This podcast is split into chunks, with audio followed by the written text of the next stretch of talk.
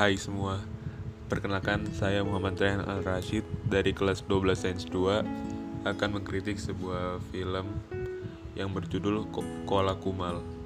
Film ini diangkat dari novel yang sama dengan judul yang sama yang ditulis oleh Raditya Dika dan disutradai oleh Raditya Dika sendiri.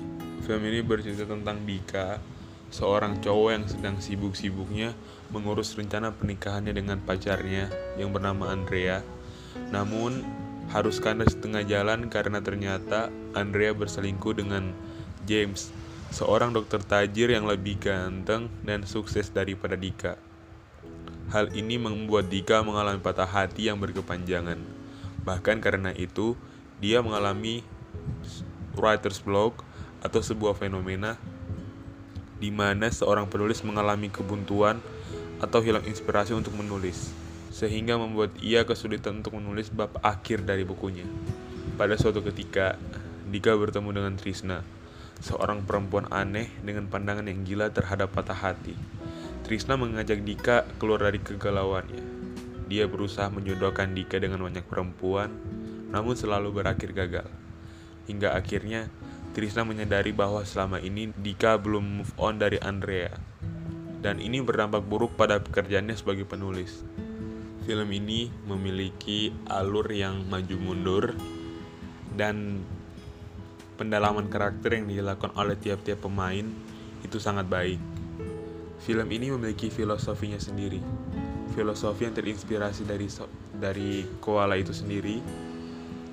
Suatu hari, koala tersebut bermigrasi dan ketika datang kembali ke tempat asalnya, tempat itu tak sama lagi.